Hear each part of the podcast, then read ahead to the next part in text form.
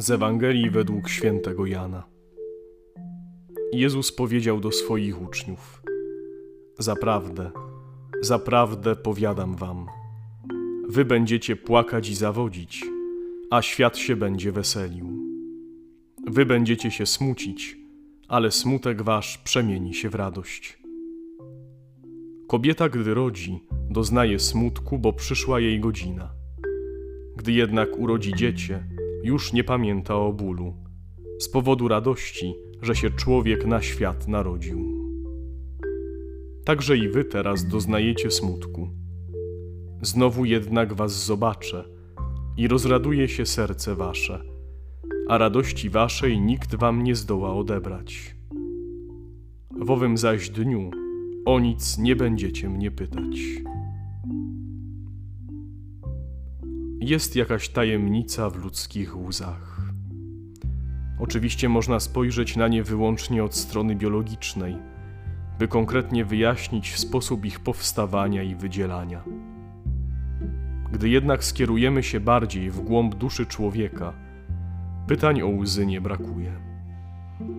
Płaczemy, gdy cierpimy ból fizyczny lub psychiczny, gdy chorujemy lub ktoś zranił nasze wnętrze. Łzami oblewamy stratę kogoś, kto był dla nas ważny. Ale zarazem zdarza się ludziom płakać ze szczęścia.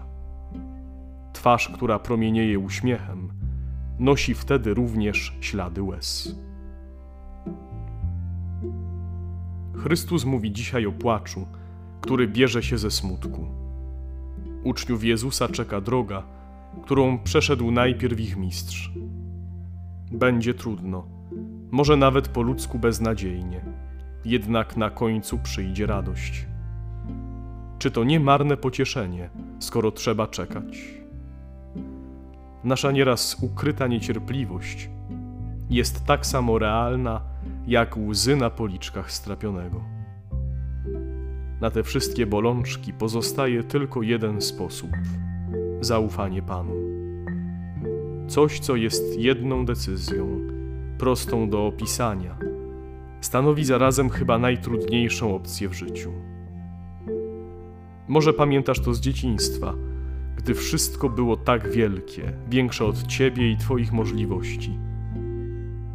I pojawiał się głos kogoś bliskiego: Nie bój się, dasz radę. Albo nawet nie było tego głosu, tylko obecność, która pozwalała poczuć się bezpiecznie i w końcu zrozumieć, że trudność minęła. Gdy nadejdzie szczęście bez końca, nie będzie już pytań, tylko radość ze spotkania z Panem. Zaufanie to klucz, by drzwi do tej przestrzeni otworzyć już teraz, nawet przez łzy. Jak uczysz się zaufania do Boga i bliźnich? Czy nie ustajesz w walce o nie, pomimo smutku i rozczarowań?